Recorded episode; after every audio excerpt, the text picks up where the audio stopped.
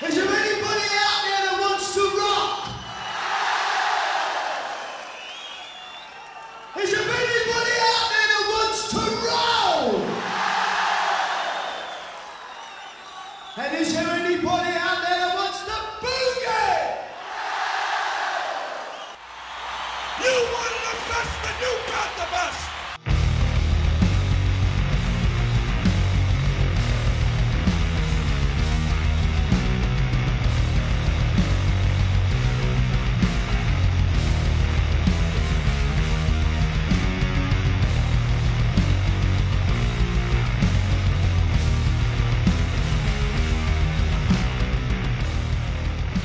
Hej och välkomna till ett nytt avsnitt av Patchtrollen. Halloj!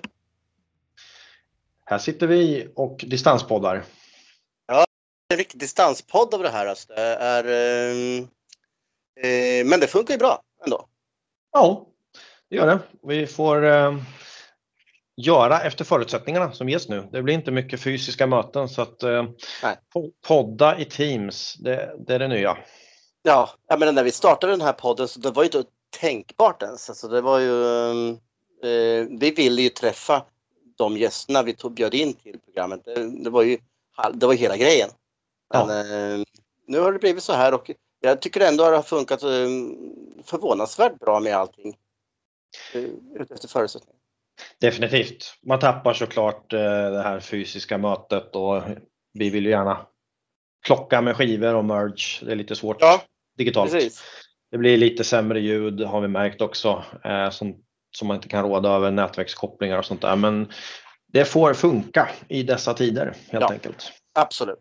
Och jag menar, hade inte det här funnits så pass bra möjligheter så hade vi ju inte kunnat gjort eh, så pass mycket eh, folk från övriga delar av landet än Stockholm där vi själva bor. Nej, så eh, hade det blivit, det hade blivit väldigt Stockholmsfokuserat. Ja. Nu är det snarare Skånefokuserat. Ja, vi, pratade om det innan vi började spela in här att det, vi har ju blivit riktiga Skånepodden här nu. Ja, tredje avsnittet i rad med gäster från Skåne. Ja. Vilka har vi idag då? Idag har vi eh, Nilsson och Susanne Svärd som eh, är eh, två stora fans av Dan Baird. Och då kanske en del undrar, vem är tusan är Dan Baird? ja, ja, det är väl med råge det smalaste vi har tagit oss för va?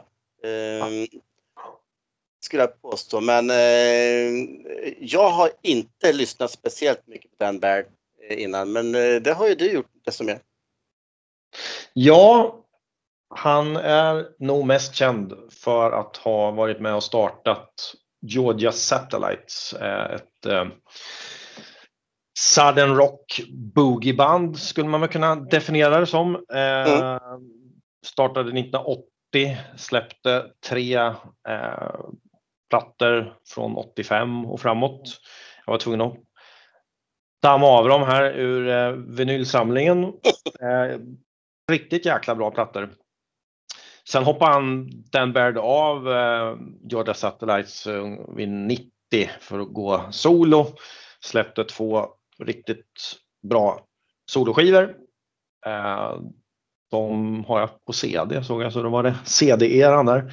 Men sen har han gjort en massa grejer efter det i olika konstellationer. Då. Han har producerat och skrivit åt andra och eh, kört bland annat då med Homemade Sin som är det vi ska framförallt eh, prata om idag. Då. Mhm.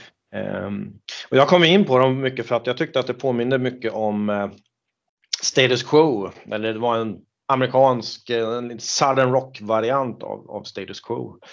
Eh, så att mycket smutsigt tunggung. Som Det är definitivt inte någonting att slänga eh, i soporna. Nej, det, sånt gillar vi. Japp. Så är det. Eh, På livefronten däremot så ligger ju både du och jag i lä till skillnad mot våra gäster. Då. Jag har i alla fall lyckats se Dan Baird och Homemade Sin hela en gång. Wow. Inte mycket att skryta om. Rockland i Sala 2015. Eh, det var jäkligt bra. Eh, mm. Men som sagt, våra gäster har väl upp, kommit upp i runda slängar 60-70 gig. Ja, det är otroligt imponerande. Mm. Land och rike runt eh, ute i Europa men även eh, USA. Diverse mm. outlaw kryssningar och, och, och annat. Då. Så att, eh, nej, de har verkligen legat i. Riktigt kul. Så vi eh, slänger oss väl in i det. Det tycker jag.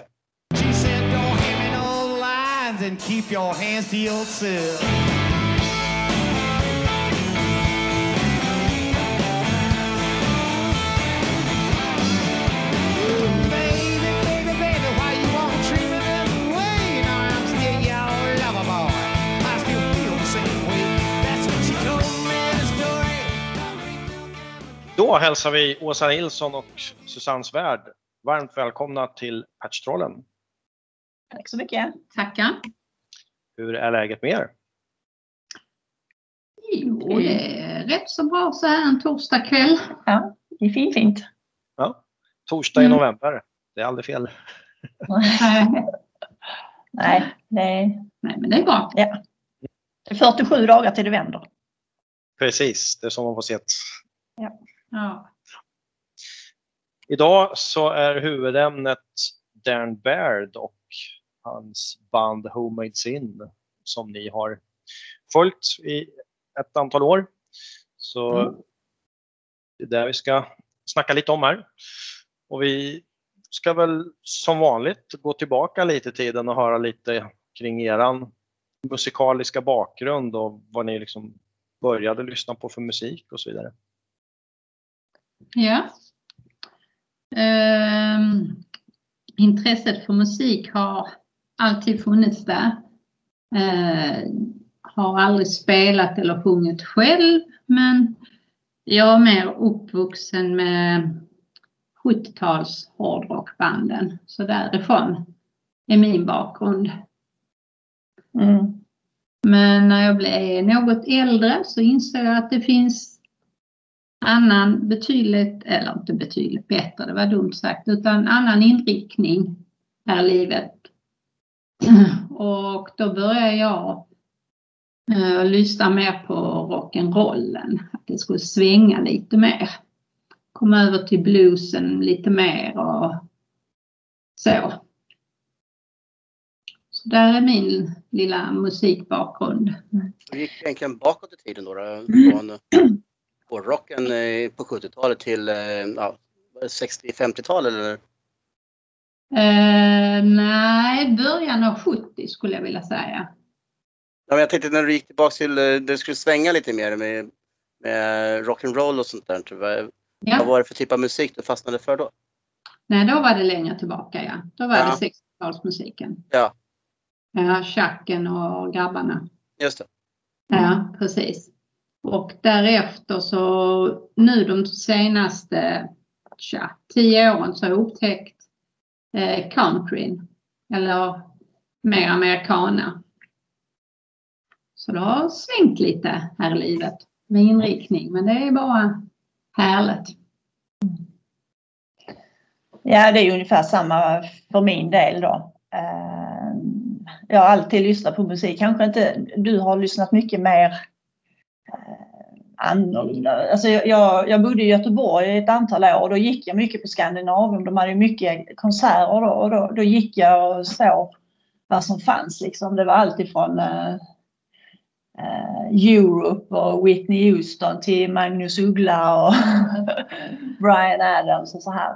Eh, så ja, jag, har, jag har varit lite mer allätare tror jag. Och sen fick Susanne in mig på rätt bana. Precis, det är ordning och reda. Ja, på 80-talet ehm, så det var ju då som de, Dan Baird blev ett namn för den ehm, stora allmänheten i alla fall då, i samband med Georgia Satellites. Var, var det då ni upptäckte honom? Eller? Nej. Jag hade ingen aning om vem de var då. Nej, nej. Ehm, det, det, det var faktiskt en slump. Ehm, och ofta satt jag och, och, och skannade lite vad liksom ny musik och så. Och Nu pratar vi 2000-tal. ja, precis. Och då eh, fanns det Youtube och det fanns MySpace. Kommer ni ihåg det? Mm. Ja. Och då satt jag där i alla fall på Youtube och letade ny musik och sitter och lyssnar och hit och dit och si och så och så fick man lite förslag och så. Och helt plötsligt så kommer där upp eh, en låt med Dan Baird som gjorde att jag blev helt knockad. Och eh, Vilken låt var det? efter the period.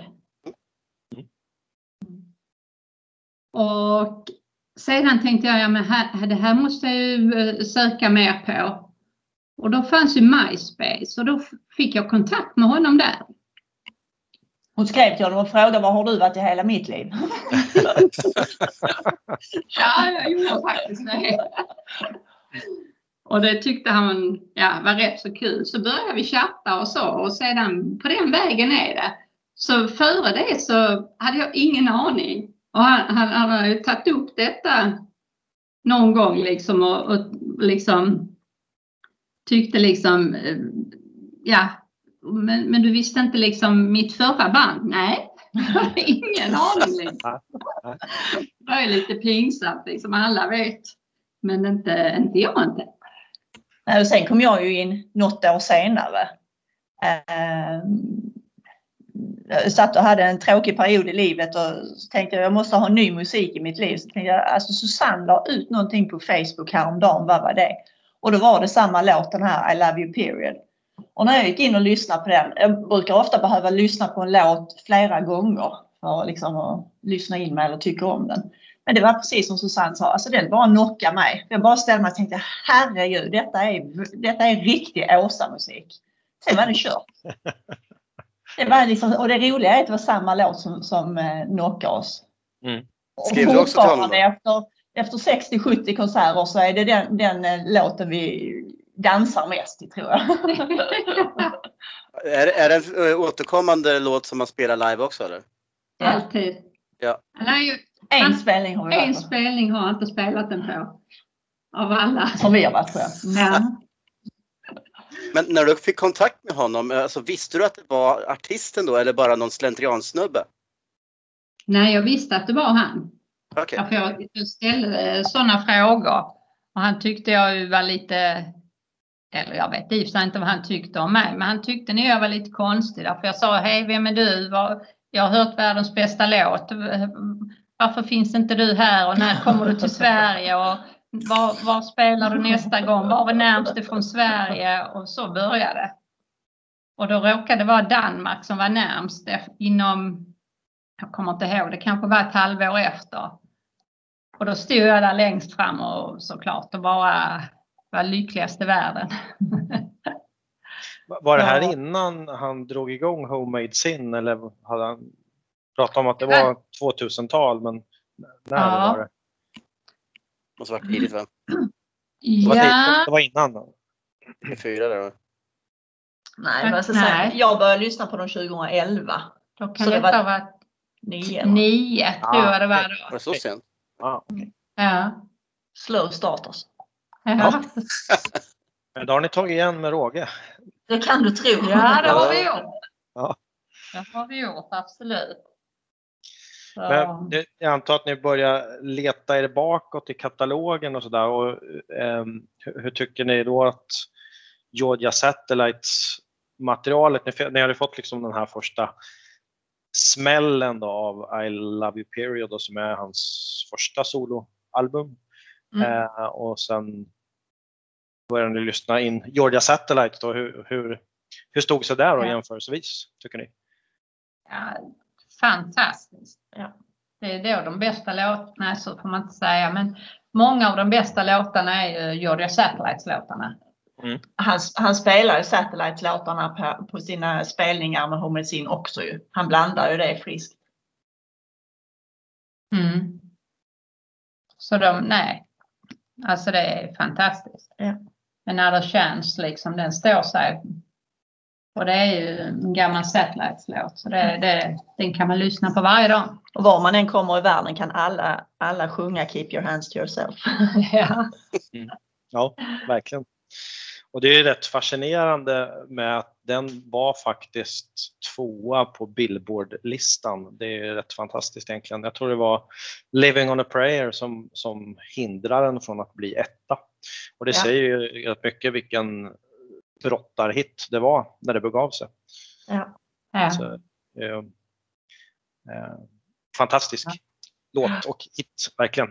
Och det var ju så här frisk fläkt, tyckte, för det är så här MTV-video som, när var det här? 86 kan det ha varit, som ja, det var det 87 nog. tror jag. 87. kanske. Precis. Det var ju mycket hårmetal och eh, helt annan typ av musik som vevades på MTV och så kom det liksom fyra jeansklädda killar från södern som körde Ja. någon form av boogie På ett woogie lastbilsflak. Liksom. På ett lastbilsflak, ja. precis. Det var verkligen, det stack ut. Verkligen.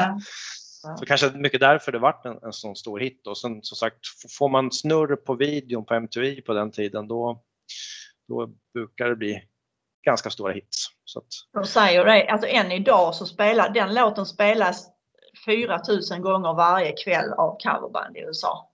oj. Oj, Så han bara lutar sig tillbaka och tar emot en paycheck var tredje månad. tackar. Ja, så är det.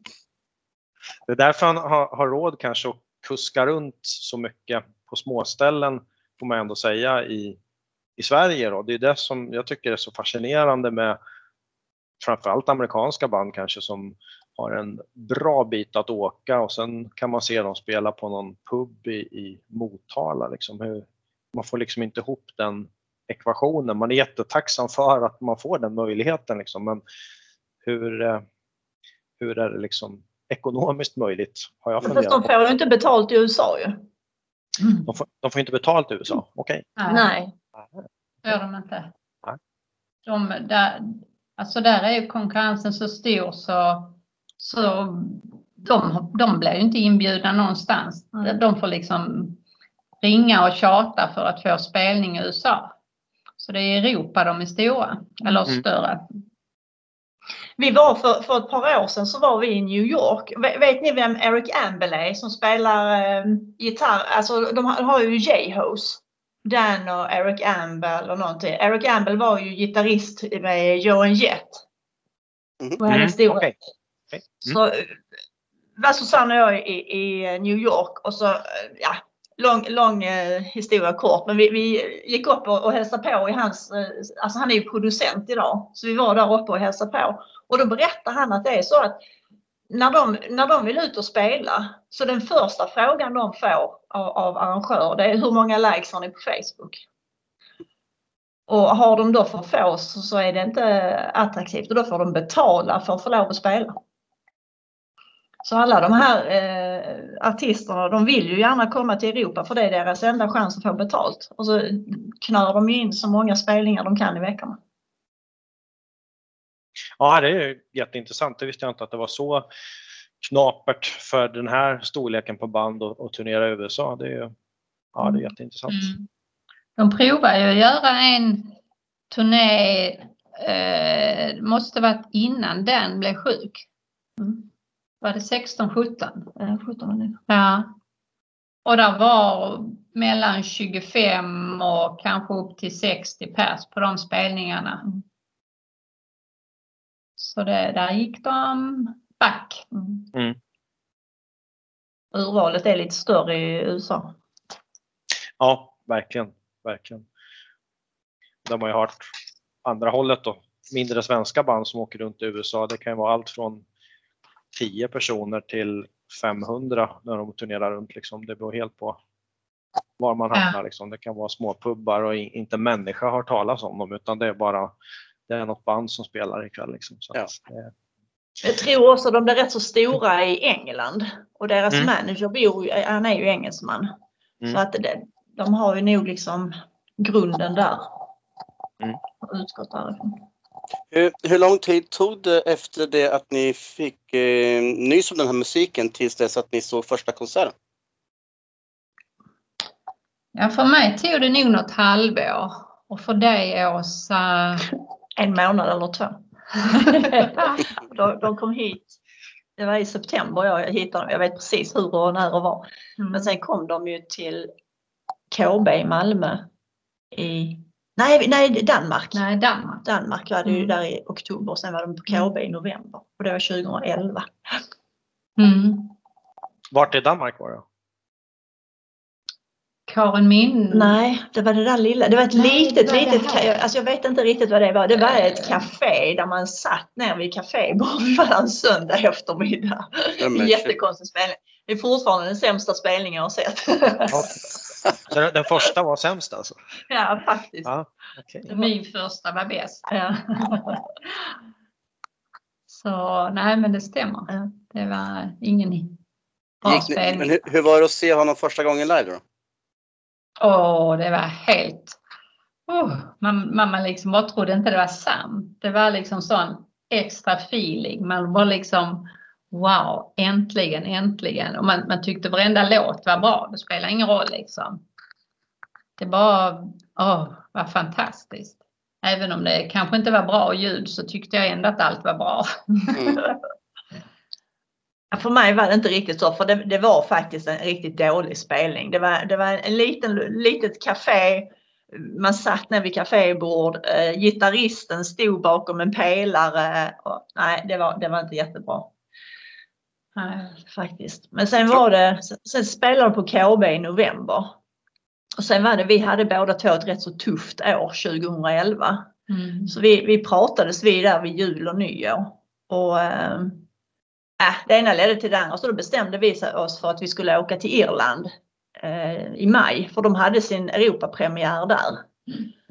Och det var min tredje spelning i Dublin och då, då, då blev jag fullständigt golvad. Jag kommer ihåg att jag stod och så tänkte jag liksom att det är så här det känns när man känner liksom glädje och kärlek i cellerna. Jag var, jag var helt hög efteråt. Och när, när vi gick ut därifrån så sa jag till Susanne så, så alltså jag skulle kunna lägga alla pengar jag äger och har på att följa detta bandet. Och då ställde sig Susanne mitt på vägen och så bara skrek hon med armarna i luften. Äntligen är det någon som känner som jag. Sen var det kalkat. Det var, Ja, liksom, det var- det var det riktiga startskottet liksom. Men Vad var, det, vad var det den konserten som gjorde att ni var helt golvade? Var, var det stämningen eller var det, spelade de exakt väldigt bra då eller var ni bara på, på kemin i ert humör stämde in perfekt eller vad var det? Nej, jag tror det var humöret, eller ja, jag vet inte. Det var, det var liksom, ja det var fantastiskt. Och så, och så var det ju lite kul när eh, vi kommer in där och de ställer sig på scen och eh, muttrar lite och tittar inte upp och så. Och sedan första gången när Maro slår eh, första slaget på trumman så tittar de upp och då bara säger de Hej! The Swedish girls are here! Då kände de igen oss och då, och då blev de så glada och de gjorde en sådan fantastisk spelning. Det var så bra. Så ni vart igenkända ganska tidigt då? Det, här var tredje Alltså, spelningen ni såg eller något sånt? Ja, alltså det, det är ju så att alltså, där är ju inte så många kvinnor som går på de spelningarna. Nej. Och jag tror Nej. genom alla år så tror jag fortfarande vi är de enda två som har kommit utan män liksom. Att det bara är två kvinnor som har kommit. Så att eh, ja, Ni vi blev igenkända rätt så tidigt. Ja. Mm. Så är det. Ja, att följa ett band i rockvärlden, eh, att resa runt och titta på konsert måste ju vara mansdominerat. Ja. Ja, det är det. Det, det kan jag nog inte säga någonting annat. Så, Mm. Och det är jättehäftigt att ni eh, ändå kör. Eh, Och, men när bestämde ni er för, var det då i Irland ni bestämde er för vi kör? Alltså, eh, vi bokar några fler spelningar eller? Nej, men alltså det har, det har ju aldrig blivit så att, vi, att det är liksom ett medvetet beslut vi har tagit. Nej. alltså Susanne och jag, vi har, vi har ju rest ihop i 30 år. Eh, alltså på allt möjligt. Och det, det var väl lite det också. Alltså det har ju kommit barn emellan och vi har flyttat och bott på olika ställen och så. så att det var ju också en stor grej det här med Dublin att vi fick ut och resa ihop igen för första gången på, på många år liksom. Men sen, sen var det också i Dublin träffade vi ju en engelsman. Som, som också, för vi, vi, det var, vi var ju inte bara i Dublin utan vi körde ju, vi hyrde ju bil och körde efter bandet på tre spelningar. Och då var där en engelsman som gjorde samma resa i sin lilla bil och på det sista hotellet där bodde, hade vi till och med rummen sidan om varandra. Och då sa han det att men herregud ni måste ju komma till, till London i, i, eh, i december för då gjorde de alltid en spelning i London innan jul. Och så tänkte vi att ja det är klart vi måste. Sen var det igång. Och sen när vi träffade de här eh, britterna så bildades det en liten, eh, ja man kan väl kalla en liten fanclub.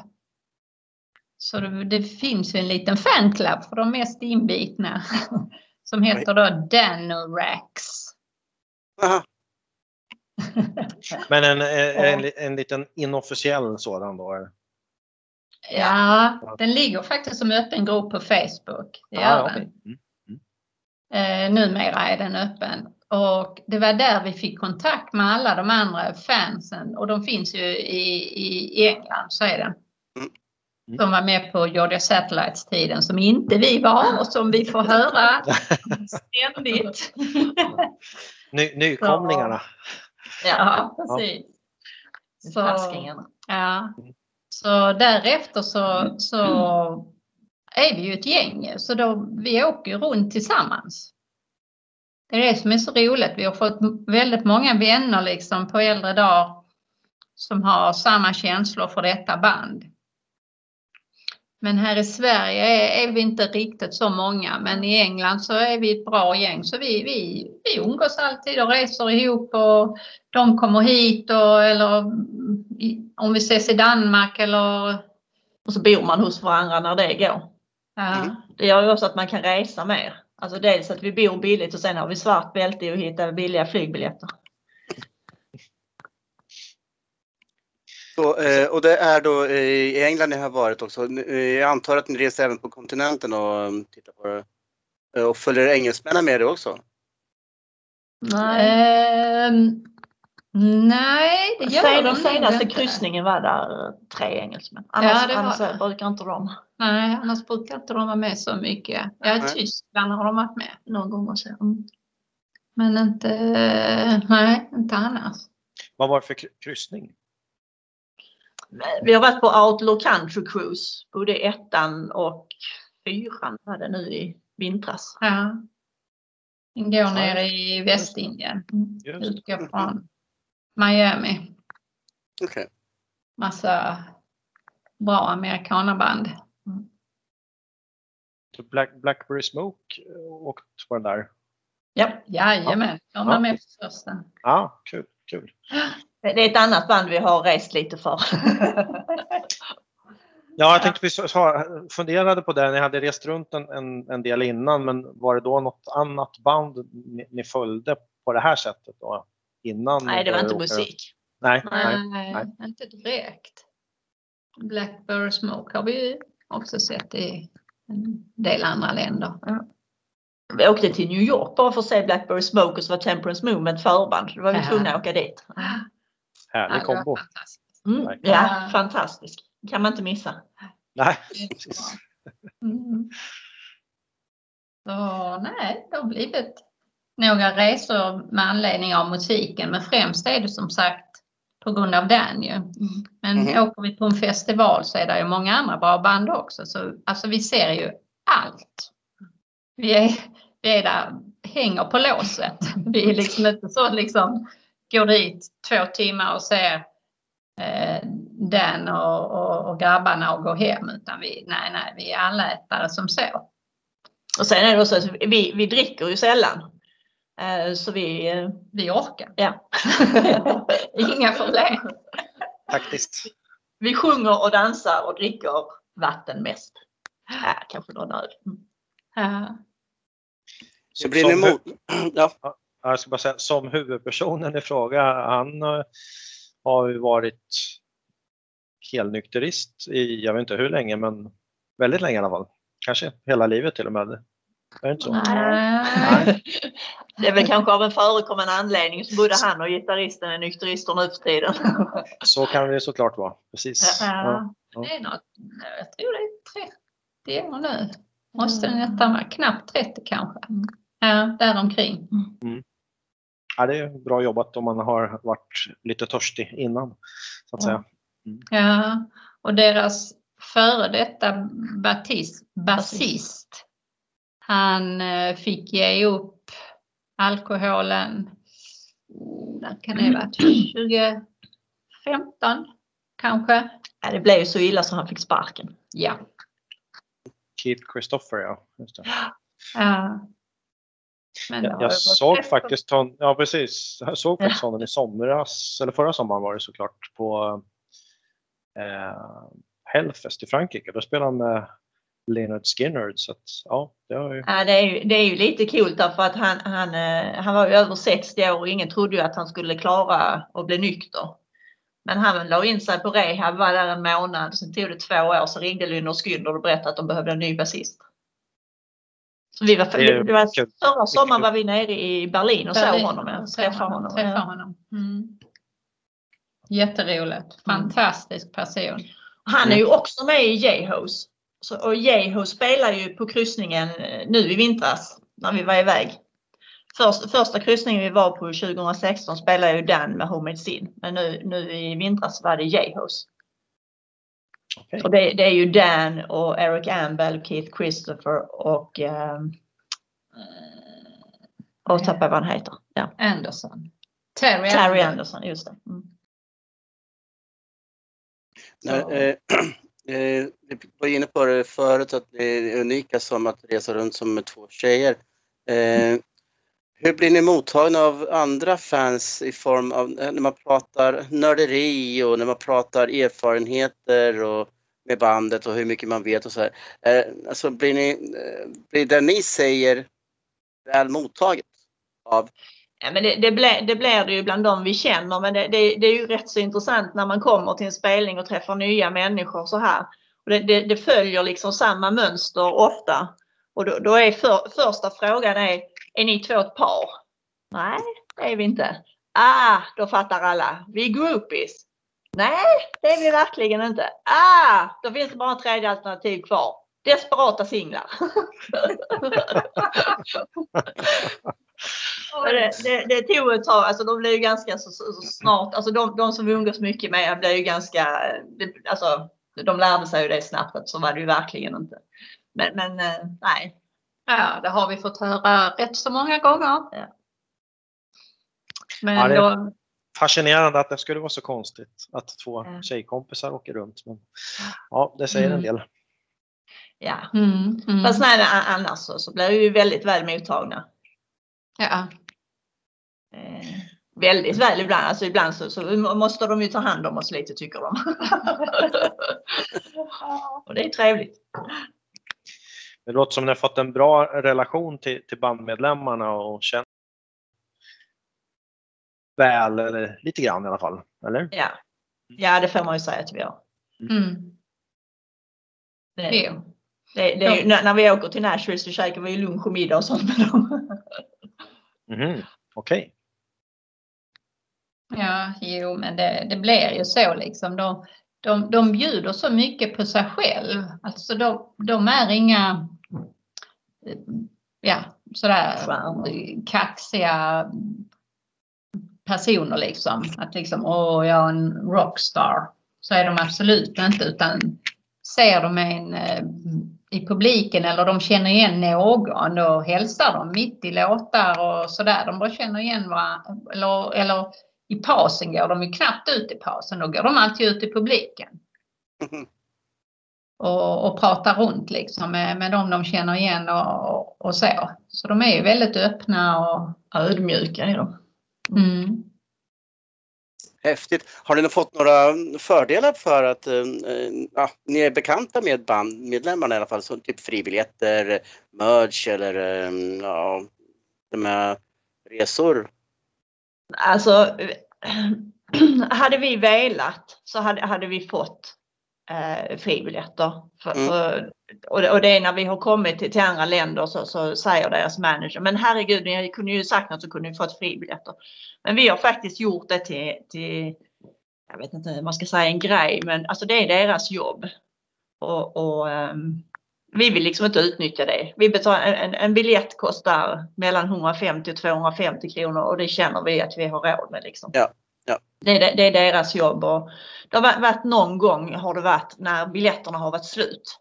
Ja. Då, har- då har vi bett om fribiljetter, då har det ju aldrig varit något problem. Liksom. Och det är klart alltså de sticker till oss någon tröja ibland och så här men, men vi, vi, vi är ganska så noga med att vi vill inte, alltså vi betalar för oss.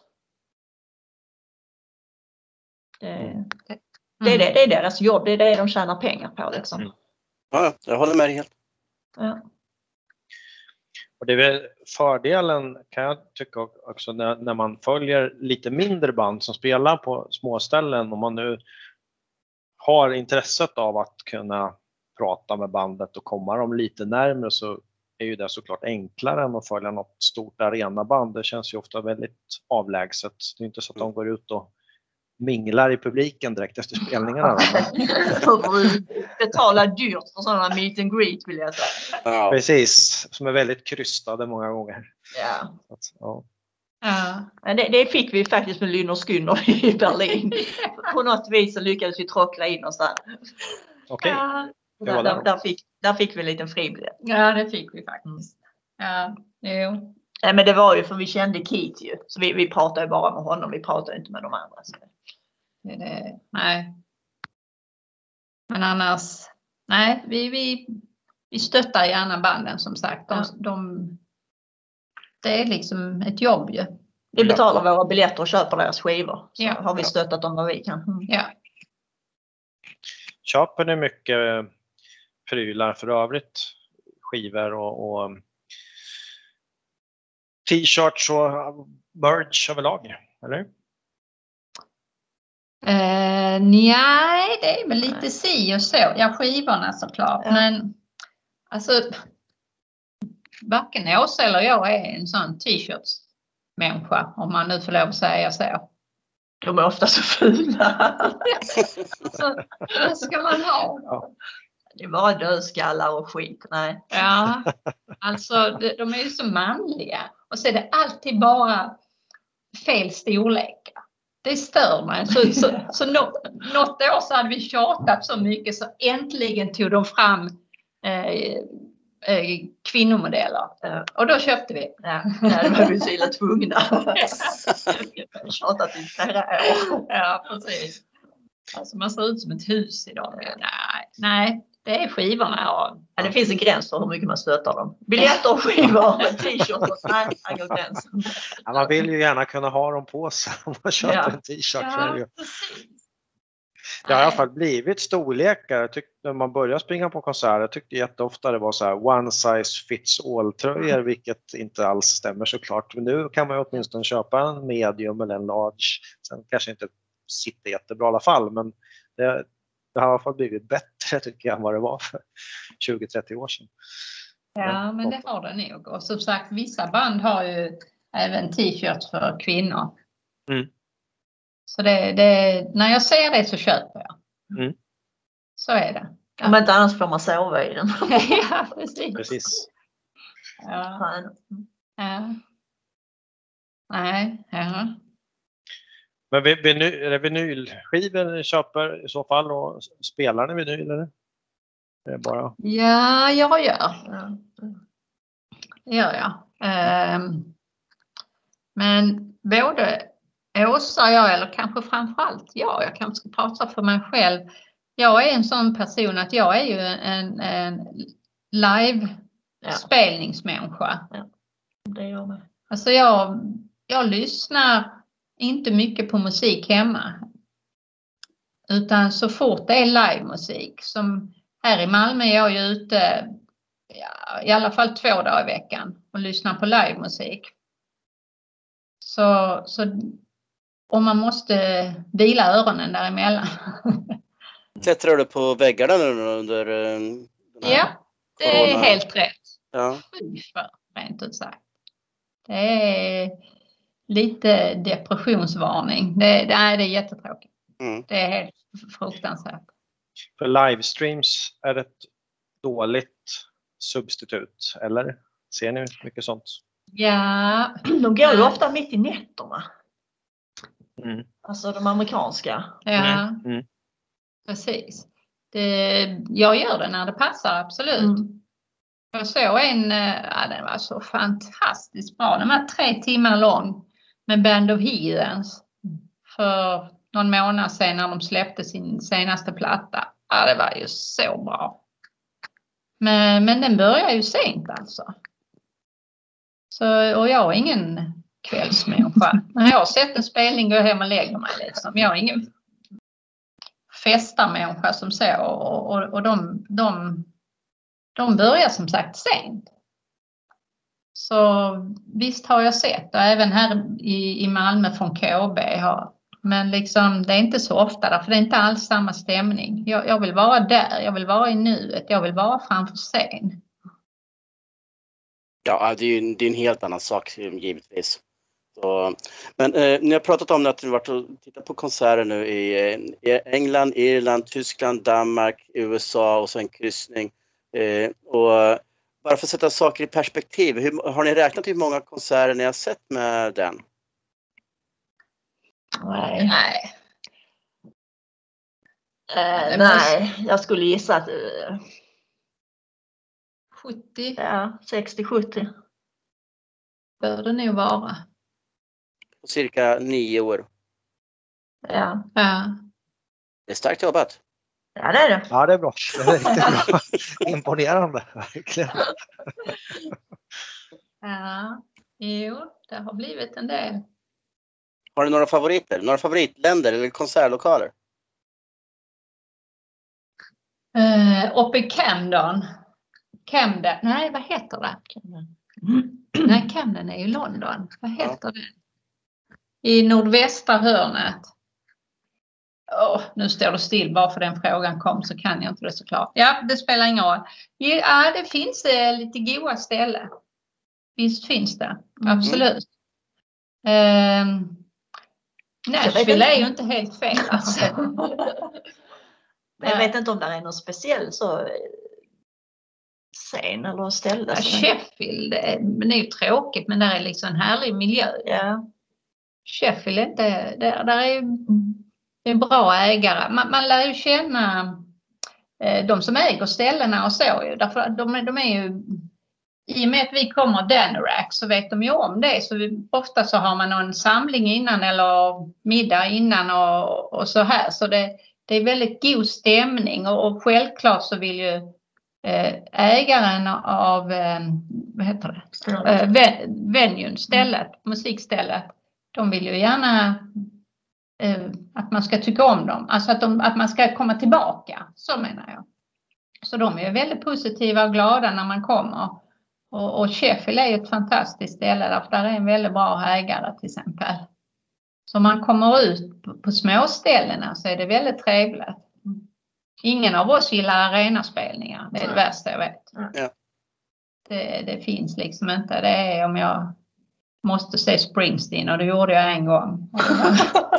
Stack, stackare.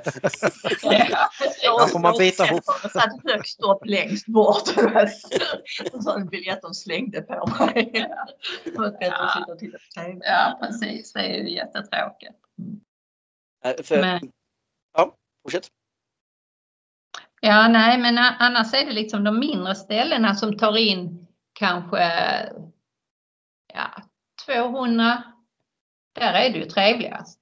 Mm. Det är ju det faktiskt. Därför då kommer de riktiga fansen. Då kommer ju de som vill lyssna på musiken. Det är ju väldigt sällan stökigt på de här spelningarna. Därför de blir väldigt irriterade om det är någon som står och pratar. Då säger man till dem direkt. Den slutar spela. Ja, Mm. alltså ja, då, det blir, de blir jätteirriterade. Då blir vi också i publiken. Så det är liksom bra människor som är på spelningarna. Mm. Så därför blir det ju alltid bra. För alla är ju så oerhört pigga och glada och lyckliga. Så vi har så roligt ihop. Ska man plocka något ställe så tänker jag vi har sett väldigt många bra spelningar i Danmark. Ja, det har vi. Faktiskt. Mm. Är det just Ja. att bandet har varit bra eller att publiken har varit bra? Nej, men publiken. Ja, Alltså, ja, det är de. Alltså för, för mig, för mig Åsa då så, jag tror Susanne och jag lyssnar lite olika på musiken. För att jag, jag är väldigt så här, har, de, har de spelat alla mina favoritlåtar och det har varit bra tryck, då är det en jättebra spelning för mig. Mm. Medan Susanne hon lyssnar liksom på gitarrerna och det, det hör inte jag bara. Jag är helt inne i, liksom i jag dansar och sjunger. Jag kan, jag kan alla texterna och Susanne kan alla ackorden och alla, alla Kompletterar varandra bra med andra ord. Ja. ja, men det är lite roligt för alltså, ibland kan det vara och jag bara åh, sicken spelning! Ja, sådär säger Susanne. Bara, Är du liksom, fan är du dum eller? Ja, men, Ja, nej, vi lyssnar liksom. Det, är- det är intressant hur olika vi lyssnar liksom. Mm. Stämmer. Det, det är mycket, för mig är det mycket stämningen och liksom att det är mina favoritlåtar så jag kan dansa och sjunga och så här. Mm. Vi, Men vi, känner igen, vi känner igen det där faktiskt.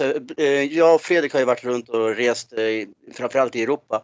Och, Mm. eh, och vi lyfter oftast fram publiken. Vi har, vi har lyckats vara på konserter i Tyskland och Skottland där vi, där vi speciellt har lyft fram eh, publiken som har varit extra med på noterna på något sätt. Och, eh, och, Mm. och vi håller med. Och då, då, den lyfter en eh, kanske en anna, annars medioker spelning till att vara väldigt, väldigt bra. Så om publiken är med på noterna.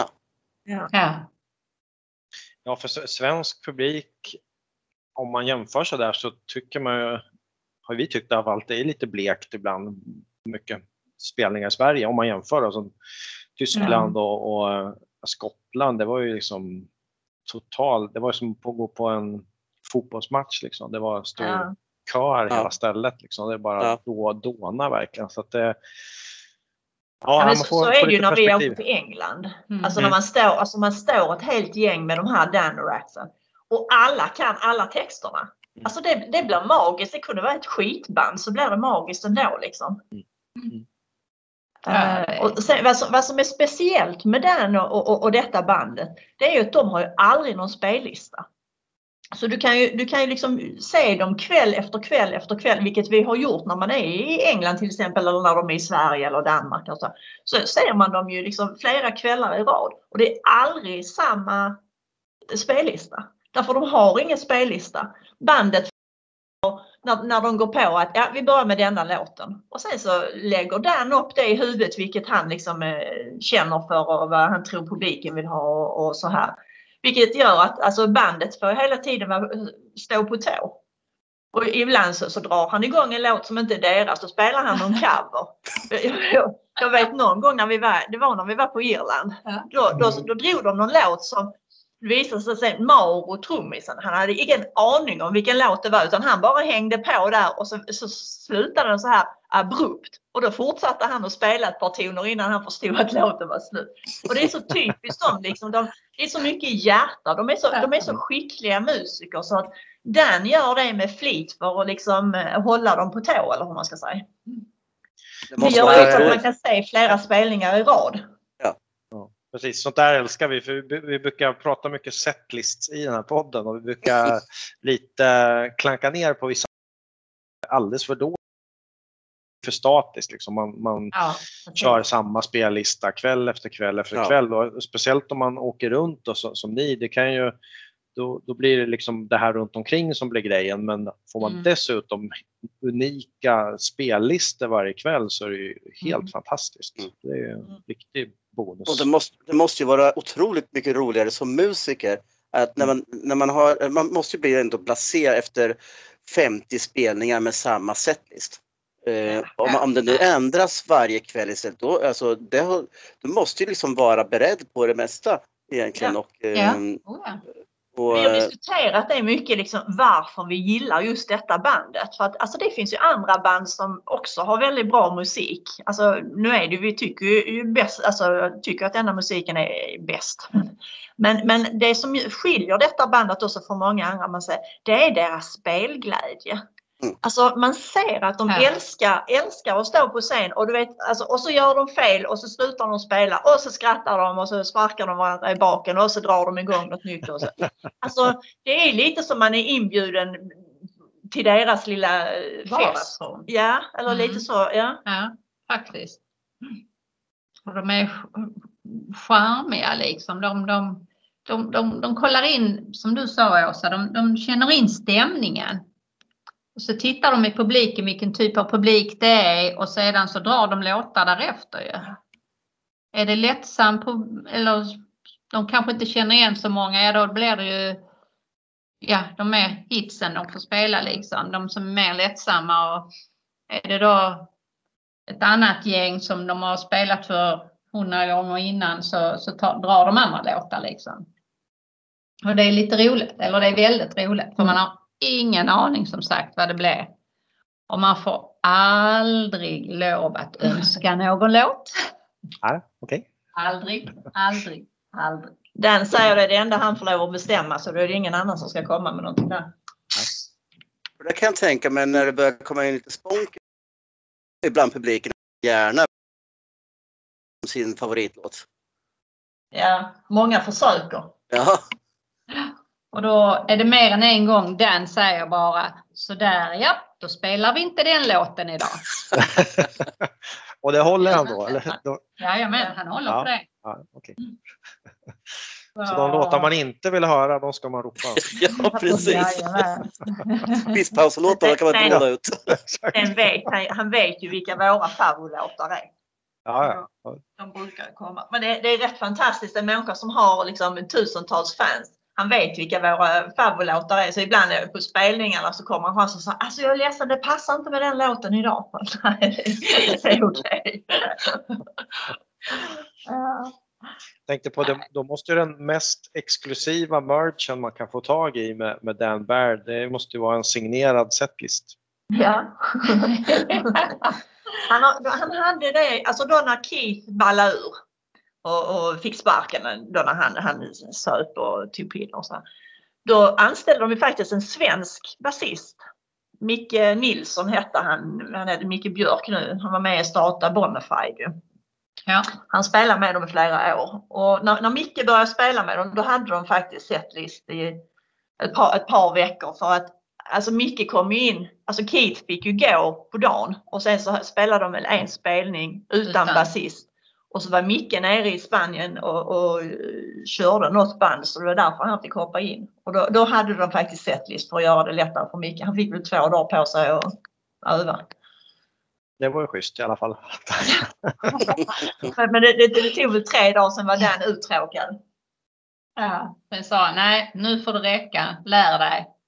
Och då försvann Okej. setlistan. Ja, så försvann setlistan. Så det, det, det är möjligt att det finns någon därifrån men annars är det Ja. Ni, ni fick inte tag i någon då i alla fall? nej. Nej, Hur många skivor har han släppt? Den vet frågan stryker vi. Vet inte. Alltså vi sitter här på bordet och har plockat fram, här är ju massa sådana här äh, liveplattor och alltså det, är- det är dödsvårt. Vi måste ta lite bilder där och skicka sen. Jag har lagt ut Mm. på fejan redan. Nej, men vad bra.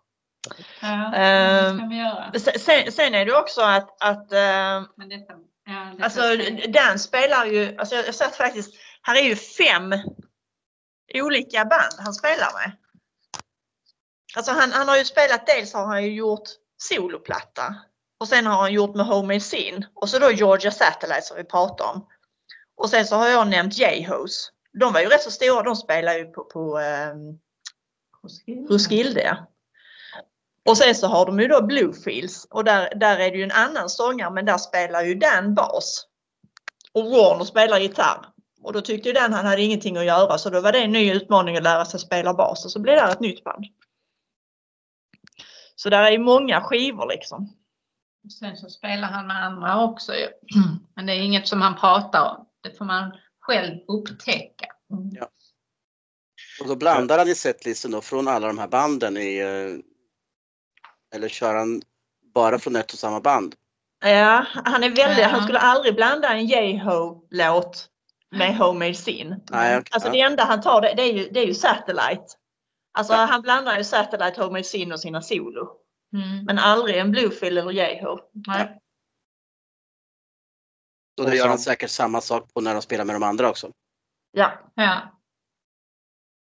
Det stämmer. Och det är intressant därför att han vart ju sjuk i cancer för några år sedan och em, har ju nu tagit, kan man säga att man går i pension från turnélivet? Det skulle man väl kunna säga, men han har ju i alla fall eh, slutat att turnera. Eh, Mm. Men jag var inne och tittade här så fick jag det till att han har släppt, om det inte står fel, tre album bara i Mm. år, fast med olika konstellationer. Då. Så att på skivfronten så har han ju definitivt inte gått i pension. Han har väl fått mer tid då kanske att skriva och spela in musik. Ja. Alltså vad, som- vad som är fräckt med Dan tycker jag, det är att alltså det är hans verkligen genuina kärlek till musiken.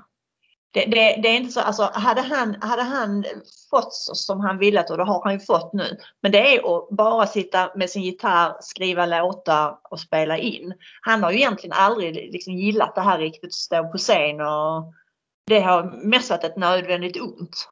Han, alltså han är ju riktigt genuin eh, alltså att han är, verkligen älskar musiken. Han, han, alltså han kan ju allt. Warner brukar säga att det, det, det, det vi kan det är det den har glömt. Mm. Ja. Mm. Ja, han är fantastisk. Verkligen. Så han, han hjälper och stöttar många också, men det är inget som han på något vis vill framhäva sig, utan det är om andra artister ger ut någonting, då är det ju ofta att den är med där. Mm. Alltså Nashville-banden. Väldigt, väldigt ofta. Will Hogue till exempel. Åh, gud vad bra Har ni är. lyssnat på honom? Åh, Nej, åh, det måste ni göra. Small Town Dream heter plattan. Lyssna på den. Mm, ja, definitivt. Ja. Ja, Will Hogue och där är Stacey Collins och eh, vad heter han? Chris Knight. Mm. Ja, han har gjort många. Ja, oh ja. Jag tänkte på det, var ni på, på den, det som kanske då blir eller hans sista spelning med Homemade Sin? Ja, eh, i- in, indirekt kan man säga så här att den sista spelningen den var ju uppe i Skottland, eh, Skottland Edinburgh. Eh, men det, den venuen är den sämsta någonsin som jag har varit på. Jag, jag har sett dem där, där tidigare. Eh, så jag sa redan till Åsa att jag vägrar åka dit. Det är en litet, litet, litet, litet ställe och så trycker de in dubbelt mot vad de får. Så det är väldigt hemskt. Och Lågt i tak. lågt i tak och så är det bara en utgång och det är bakåt. Så det är klaustrofobi. Så jag vägrar åka dit igen. Så näst sista spelningen var ju i Malmö och det var fullt på KB. Han brukar aldrig dra fullt. Och då säger han själv att egentligen så är detta min sista spelning. Därför det är detta som är hemma. Malmö ligger så nära för mig. Alltså detta är mitt hjärta. Han trivs jättebra i Malmö. Många vänner här och har spelat in plattor här och så. Och det, så det sa han själv. Så indirekt var det ju den sista spelningen. Men sedan så var de ju tvungna att åka upp till Skottland och göra den hemska, eller inte hemska spelningen, men i det här lilla trånga utrymmet. Men sen såg vi ju faktiskt den absolut sista gången han stod på scen. För det gjorde han med J-Host på den här Outlaw Country Cruisen i januari. Nu i år. I år? Mm. Okej. Sen stängdes Ja. alltså snacka om, han, han meddelade i no- november, december att han skulle gå i pension.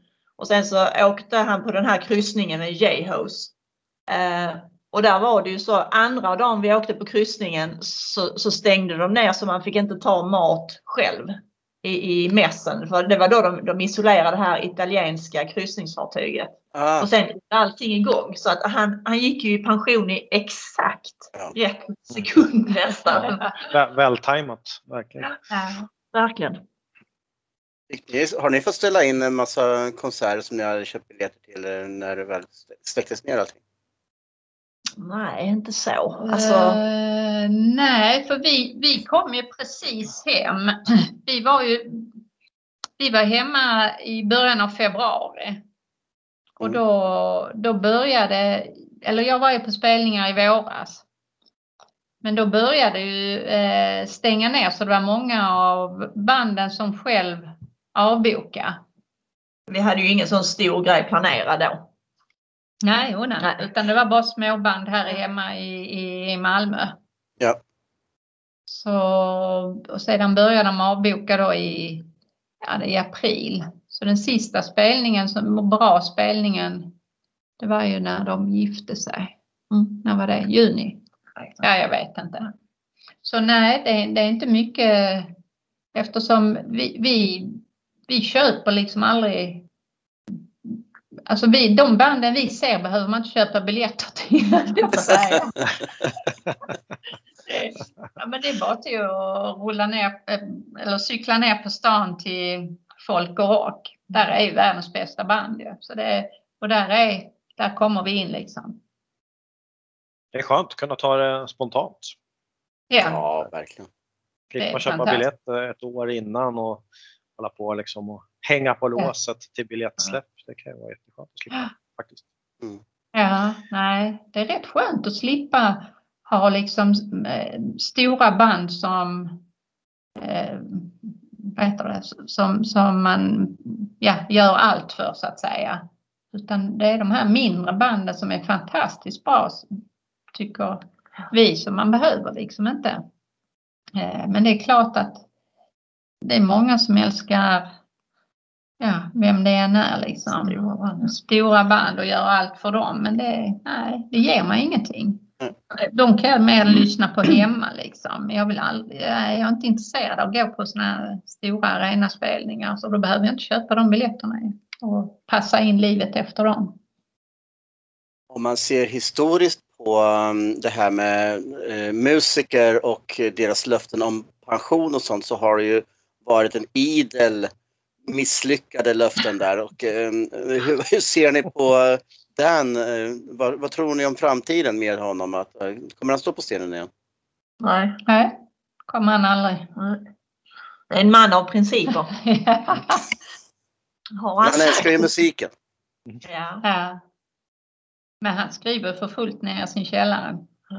Det är som en av hans bandmedlemmar säger att hade inte den varit så lat så hade han varit lika stor som Bruce Springsteen. Mm. Han, alltså han bara skriver och skriver och skriver och skriver. Han har så mycket material som inte har getts ut. Ja, det är mycket kärlek. Mm. Alltså kärlek till musiken. Mm. Om det inte blir något mer med Dan Baird än Homemade Sin på turné då, som ni inte tror att det blir. Vad, har ni något annat som ni kan haka på istället när saker och ting kommer tillbaka till någon form av normalitet och, och det kan börja bli turnerande band? Ja, det Alltså det kommer har? aldrig bli samma sak. Nej. Nej, Det kommer det, kommer det aldrig bli. För att det, det, vi har lagt liksom, det är för många år, för mycket människor man känner och liksom, vi känner bandet. Och, nej, det, kommer, det kommer aldrig bli samma sak. Sen finns det många, många bra band som man absolut kommer att åka och, och, och lyssna på och så här. Men jag har svårt att säga att vi kommer att följa något på Mm. detta viset. Mm.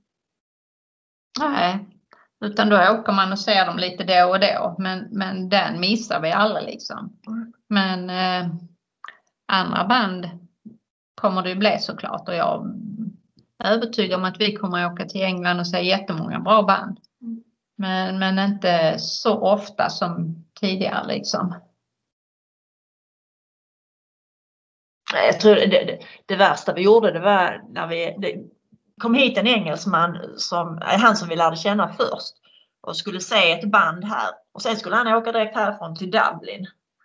Och det var där vi hade lärt känna honom så vi sa bara ska du åka till Dublin utan oss? Och då hittade vi en biljett för jag tror 1100 spänn så då, då åkte vi fredag eftermiddag tog in på det billigaste skithotellet som låg vägg i vägg med, med spelningen sprang in och duschade på hotellet, in och såg spelningen, sov till klockan fyra på, på morgonen, tog en taxi och så flög vi hem på lördag morgon. Jag tror inte vi var borta ett dygn. Ja, Effektivt. Ja, verkligen. Ja. Ja, det var lite kul Ja, faktiskt. men det, det är också, det är också liksom, alltså det är så roligt. Alltså, Ja. det är ju roligt att göra sånt ju. Man blir glad. Så det, det, är ju, det är också, alltså vi har ju rest för vi har en passion för musiken men vi har också rest för att vi har, alltså de har ju också varit en anledning för oss för att komma ut och ha roligt. Vi pratade lite om det innan här, avdelningen udda spelningar med Dan Baird and the Homemade Sin, att han eh, själv har fått kasta in handduken innan några spelningar då. Pratar bland annat om Rambling Man Fair där de spelade som trio. Och sen Ja. gjorde de några sådana spelningar till då. Eh, och, och, var ni på en av dem eller? Hur var det? Ja, vi var ju på en i, Nashville. Vi, vi Ja. åkte ju ner till, vi åkte, flög till Nashville för att gå på den här amerikanafestivalen. Som är varje år i oktober, September. september. Ja. Ja. Och när vi hade köpt flyg och vi hade köpt eh, så här armband till festivalen. Då gick Homemade Sin ut och meddelade att man skulle spela i Nashville dagen innan festivalen började. Och då hade vi fly, flög vi ju dit dagen innan dess. Utan att veta om detta Ja. alltså. Och Och då- vi, det tog nog två minuter hade vi köpt en biljett. Och slängde oss på datorn. Ja, sittbiljetter. Ja. Men då, då plockade de ju in Joe Blanton som sjunger i, i Bluefields med dem också. Då, då var han ju sångare ett tag, så då spelade de ju inte som trio. Ja. Utan, utan då... eh, Och då bjöd de in, det var massa ja, kända musiker eh, på den spelningen. Så de bara bjöd upp musiker på mu- musiker istället för den då. Mm. Så det var olika killar och tjejer, kvinnor och män så, som gick in och tog hans roll. Ja, det var sån fantastiskt bra spelning. Och då var inte ens den där. Och då, men då spelar de bara som. Ja. Alla satt vid sina bord utom Susanne och jag, vi stod längst fram och dansade. Musikerna sa till publiken, om de har kunnat åka från Sverige hit och dansa och sjunga så kan min själ ni det med. Upp och dansa! Ja, det är jättebra. Ja, ja, det var en jätterolig spelning och då var som sagt inte ens den, den där. Men han, han är ju stor alltså. Han är ju stor i de kretsarna, i de musikkretsarna. Han är ju inte stor som countryartist liksom i Nashville liksom så. Men i, i, i den kretsen av de musikerna så där, där var ju proppfullt och det var liksom person på person som gick upp och sjöng och den ena var mer känd än den andra om man nu ska prata så. Så det var en fantastisk spelning. Det är en riktig, riktig höjdarspelning. Men då var de, uppträdde de under namnet Homemade Sin bara då? Antar jag. Ja, Eller? Nej, Ja, eller? ihåg det kommer, jag tror, nej, ja, det kommer jag inte ihåg. Men de hade med, den. den, den har ju en hatt som han har på sig och har haft de sista åren. Så hatten var med på scenen. Ah. Hängde den på en mikrofon där. Ja. Jag tänker det blir nästan som att gå och se eh, The Heartbreakers utan Tom Petty. Ja, Ja. precis. Ja, så. lite Ja, så är det. stämmer. Men det, ja, det är klart att man saknar honom men det var, en, det var ändå en häftig spelning eftersom det var så många andra musiker som man hade hört talas om men kanske inte sett och så här. Um, ja, det, ja, det var häftigt. Ja, det var det. Det var riktigt bra. Jason and the Scorchers. Jason Ringenberg. Herregud alltså, de höll dem på att välta ställen. Vet ni vem han är Jason? Mm. Ja. Han var ju också, han var en av dem. Men han, han är ju så oerhört stor liksom. Eh, och man kan ju ha sina åsikter om det. Men att se honom på scen, alltså det, det går inte att sitta still och det går inte att skratta. Ja, Han, han, är, han, är helt, han är överallt på scen och kan inte sjunga och inte spela. Men det spelar ingen roll. Alltså jag, jag tycker han är förfärlig men, men alla tycker han är väldigt charmig. Men jag måste säga att ja, till och med jag stod upp och dansade till slut för äh, de höll på att välta stället. Ja. Alla bord och stolar bara rök. Alla bara blev helt tokiga. när det är ju så, Warner som har spelat med, med, med Dan i alla år, han är ju, han är ju gitarrist, eh, Jason Scorcher. Just det. Och eh, vår egen höll jag på att säga, men Pontus Nibb är, ju trummis där ju. Yes. Så, det- Så mm. ja, nej, det, den spelningen var väldigt, väldigt rolig alltså, det måste jag säga. Sen åkte vi faktiskt över till England. Alltså Dan var ju borta ett år där i sin cancer. Och så sa vi ju ganska tidigt att om Dan kommer tillbaka så ska vi vara på den första spelningen, alltså no matter what, eller Mm. var i världen den är, vi ska vara där. Mm. Och då hade vi sån tur så den var i England. Var- Men, och just det att, att få lov att se glädjen faktiskt. Ehm, ja. Alltså glädjen att vara tillbaka på scenen. Det, det var... ja, det var fantastiskt. Han var så tacksam. Ja. Han, var, han var så rörd. Han var så glad. Alltså, det är nästan så jag tror att han hade tårar i ögonen. Ja, men han blev Han lite var- ödmjuk på det året. Ja, det blev Det var han ju inte alltid innan kanske. Nej. Nej, det var fantastiskt den spelningen Ja. också faktiskt. Det var jätte, jätteroligt. Vad det nu var. Vad var det? Fantastiska minnen. Ja. ja men det har, varit, det har varit väldigt roliga år. Det varit väldigt, väldigt roligt. Ehm, Mm. ja. Vi ska ju få Ja. äran att eh, rangordna de här gig- giggen och eh, även hans skivor och låtar då, så ska vi lägga in det i show notes som vi brukar göra då, till, till det här. Då. Eh, det, Du menar att vi ska komma överens om någonting här? ja, vi kan ha egna listor. Vi kan ha egna listor, absolut. Och där, må- det där vet vi, det kräver sin betänketid så att vi ska inte pressa er på de listorna här och nu utan ni får Nej. fundera lite så tar vi det eh, skriftligen. Sånt. Så- För det är alltid Ja. kul att, att se vilka, vilka Ja. spelningar var bäst, vilka låtar var bäst och så vidare. Mm. Och det är väldigt, på, väldigt svårt. Alltså låtarna är ju, det är snudd på omöjligt. Men eh, vi, vi, vi, vi tar vars fem. Ja, vi vet, vi vet det, det är ju så det är och eh, när man väl har satt sin lista, gör man en dag efter så är det en helt annan. Ja. Ja, Så, så är det, absolut. Vi har faktiskt försökt påbörja men vi, är- vi är inte nere på fem. Det går liksom inte. Liksom, 105. ja, ja, typ. Men det är precis som du säger, sen imorgon är det andra låtar. Men det, Ja. Ja. Jag tänkte på, på hans hälsa nu. Har han liksom eh, han har fått ordning på, eller han mår efter omständigheterna bra? Ja, jag tyckte jag läste något häromdagen att han hade varit hos läkaren och det hade alla prover varit bra denna gång. Han behöver inte komma tillbaka på ett halvår. Aha, Nej, okej. okej. Och sen blev ju hans fru sjuk också så det var väl egentligen därför han la av också. okej. Det blev väl för mycket. De eh, ville väl ha sista åren ihop. Mm. Som han uttryckte det själv. Sen får man hoppas att det blir mer. Mm. Så nej, men jag tror det är rätt så okej nu. Det var rätt så häftigt när han, alltså för han var ju sjuk i flera år.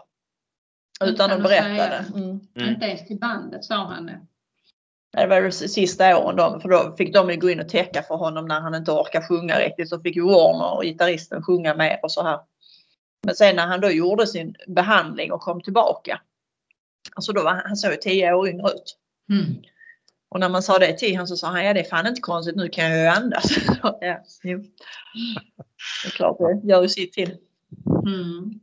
Ja, det, usch, ja. Nej, det var lite skillnad där. Ja, det var nära. Han, han var, var ju i Klippan och spelade sista spelningen i Sverige och sen åkte de över till England och där gjorde han en spelning och sen den andra fick han göra sittande och då blev alla jätteoroliga och sen åkte han in på sjukhuset och då låg han med vak i 36 timmar. Alltså det var riktigt, riktigt kritiskt. Ja, det är ju jätteskönt, fantastiskt att han har kommit tillbaka. Fast inte, Ja. inte till turnélivet då, men ändå har hälsan i behåll. Ja, han, var, han var tillbaka i två, två och ett halvt år. Precis, exakt. Fast han har lagt av nu då, eller nyligen. Men, Mm. Ja, nu är han mer, mer och petar på andras plattor. Han fyller sin tid ändå. Men jag tror, alltså han älskar ju, han säger ju det att han älskar att stå på scen. Det var, det var ju allt turnerandet som knäckte honom. Alltså alla dessa timmar på flyg och i bussar och, och så. Alltså de, de två bästa timmarna per dag det är när han får stå på scen. Om han får lov att skala bort allt annat så hade han fortsatt. Mm. Men eh, det går ju inte riktigt. Nej, det är klart det är slitigt och sen så, så spelar de och så ska de packa ihop och sen så får de kanske åka ett par timmar och sen sova på ett hotell ett par timmar och så upp tidigt för att åka till nästa ställe. Så det, det är klart att det är slitigt. Och han är ändå, vad är han? Han blir 67 i år. Mm. Var är det han bor? Nashville. Var i Nashville? Men då, då finns det ju ändå en liten, liten minimöjlighet ändå att han kanske gör en extra en specialspelning åtminstone igen. I Nashville. Ja, kanske, ja, i så fall, han kommer ju aldrig sjunga. Jag tänkte han kanske spelar bas, det vet Ja. man aldrig. Ja. Ja. Mm. Ja, det är hyfsat han- nära till diverse musikscener i den staden. Ja. Kan det säga. finns lite att välja på. Ja, jo, så är det. Men, men plattor kommer han nog fortsätta att ge ut. Men att, att, mycket, mycket tveksamt att stå på scen. Mm. Tänker på Bluefields. Möjligen, möjligen, men jag vet inte. Mm. Men blir det någon mer Homemade Sin-platta då eller satsar han på sina andra konstellationer nu istället? Ja, det lär inte bli någon Homemade Sin. Nej, det tror Nej, inte jag heller. Nej. Och han har nog... eh, Alltså första plattan han gjorde, den var ju helt instrumentell. Mm. Så jag, alltså han, eh, jag tror han experimenterar och vill ha nya influenser. Jag tror han är lite, ja men nu har han gjort det. Nu vill han prova annat. Han har hittat nya samarbetspartners och så här. Mm. Så, ja, nej, jag tror han är färdig med det. Mm. Jag tror man kan bli lite trött på varandra också man har turnerat så många år och så många dagar, i, suttit i samma buss. Och, det kan ju vara skönt att vara ifrån varandra ett tag. Dan och Maro har ju spelat sen mm, Keith, Keith och Dan har spelat sen 16 och Maro och Dan, Sen de var 16 år ja. ja, Ja. sen de var 16 år. Men Maro kom in lite senare. Mm. Vi säger, jag vet inte, 20-25 år. När de var det. Och nu är de liksom 67. ja, 67. Jag menar, Way, way back. ja, då, då kan det nog vara skönt att vara ifrån varandra. Kanske. Mm. Ja, de har väl knappast haft eh, separata turnébussar heller för att eh, slippa eh, diverse konflikter då, som de stora banden löser ju på det sättet. Jag tänker på Stones till exempel. Ja. Ja, så gjorde Lynyrd Skynyrd då, så de har ju två, två bussar.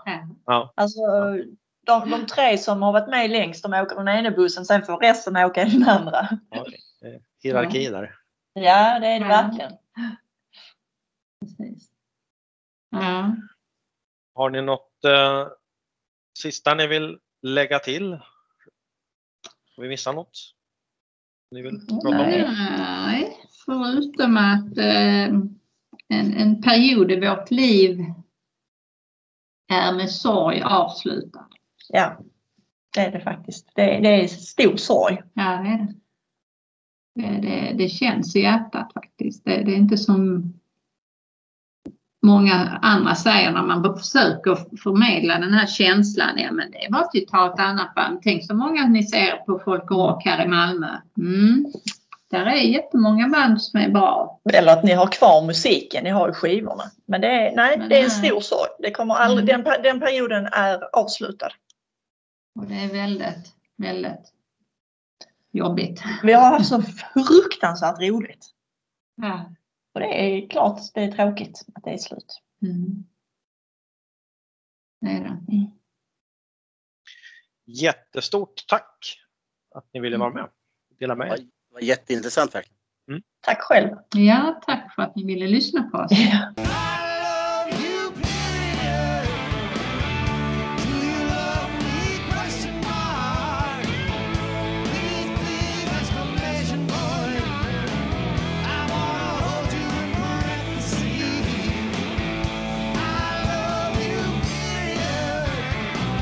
Jättestort tack säger vi till Åsa Nilsson och Susanne Svärd.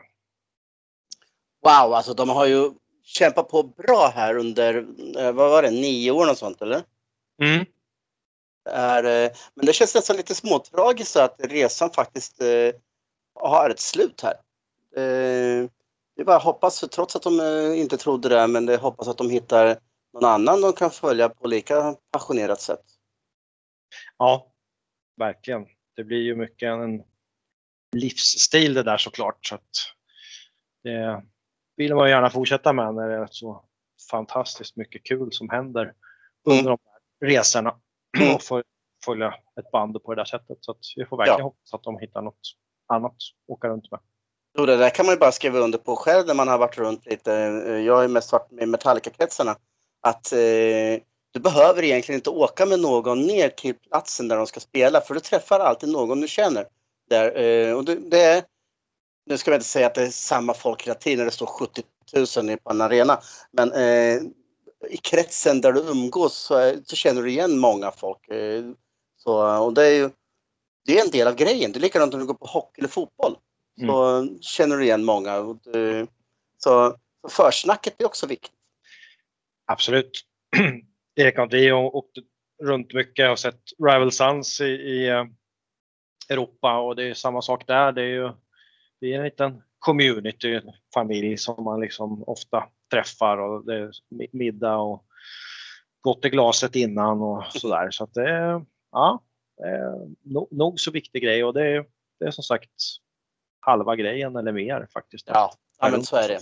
Följa Så är det. Så att, Och även fast man är eh, 40 plus eh, så det händer ju fortfarande himla mycket eh, roliga saker på sådana här resor. Eh, och eh, tokigheter av alla dess slag. Och, och, det, och det är kanske inte lika extremt som det var kanske när man var tonåring eller 20-årsåldern. Men, men ändå så är det ju saker man kan skratta åt i efterhand.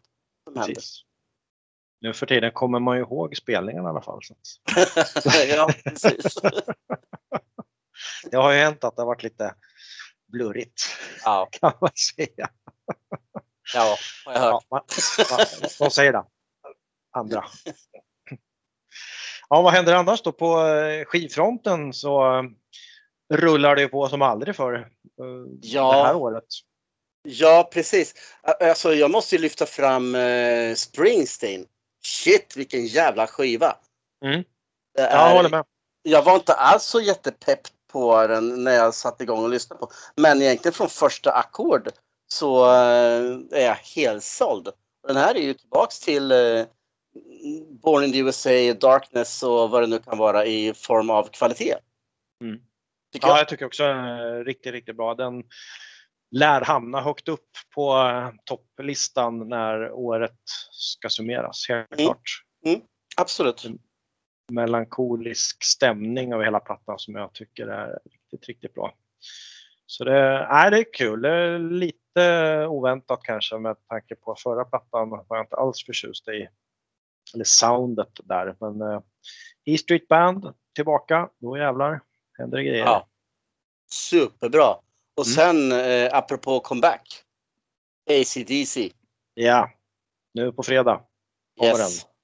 Och eh, ingenting egentligen har antytt om att det inte kommer bli bra. Nej, det känns som att eh, allt är som det ska. Det är ju Malcolm såklart som saknas, men annars är det lite business as usual. Ja. Eh, det gamla gardet förutom Mel och sen är det, det låter som det ska. Det låter som det ska. Man blir inte överraskad. nej, nej, nej, nej. Sånt håller inte de på med. Nej, och det ska de inte göra heller. Och de ska hitta på något annat efter alla de Nej, här åren. precis. Kör på med tunggunget så är vi nöjda. Ja, precis. Om om man kommer till saker som alltid återkommer så eh, finns ju vi på eh, sociala medier. Mm. In och följ, in och likea och dela gärna våra avsnitt. Absolut, då blir vi glada. Då blir vi jätteglada. Sprid ordet. Sprid ordet Patchtrollen. Ja. Klart. Vi måste göra patchar, är det inte så? Ja, det måste vi göra. Alla Alltså, andra poddar gör ju tröjor, men eh, Ja. det, kan vi, det kan vi också göra. Men vi måste, någon, någon podd som måste göra patchar så är det vi. Definitivt. Vi måste göra både en sån här för bröstet, eh, bröstfickan typ. Eh, och sen en, eh, en ryggpatch. Ja, Det, det var länge sedan.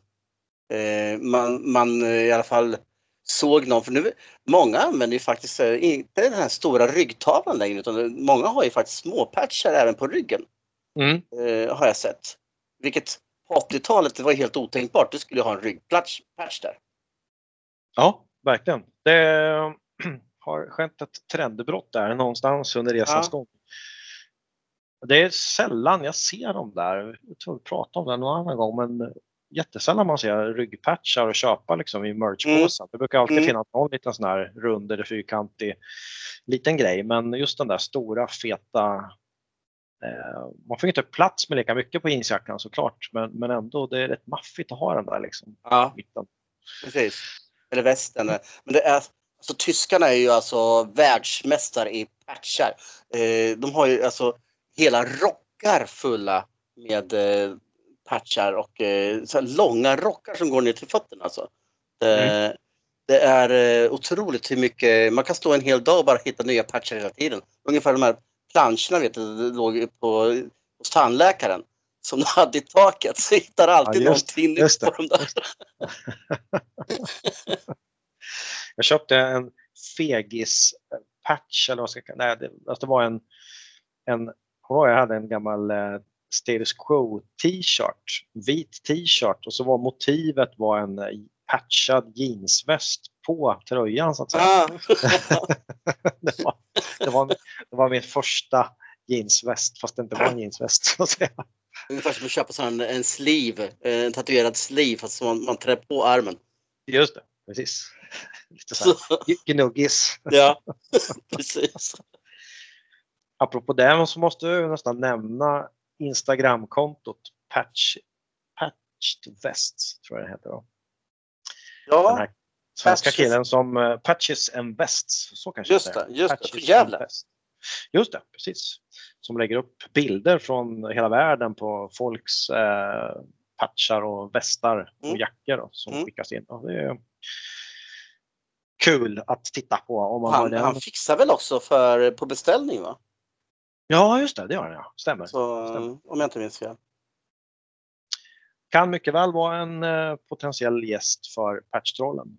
Definitivt. Att, eh, hör ihop på något sätt. Ja, Ja, ska vi ta den där eh, digitala ölen idag då och Ja. tacka för oss och Ja. alla som har lyssnat. skål skål då. Skål, skål!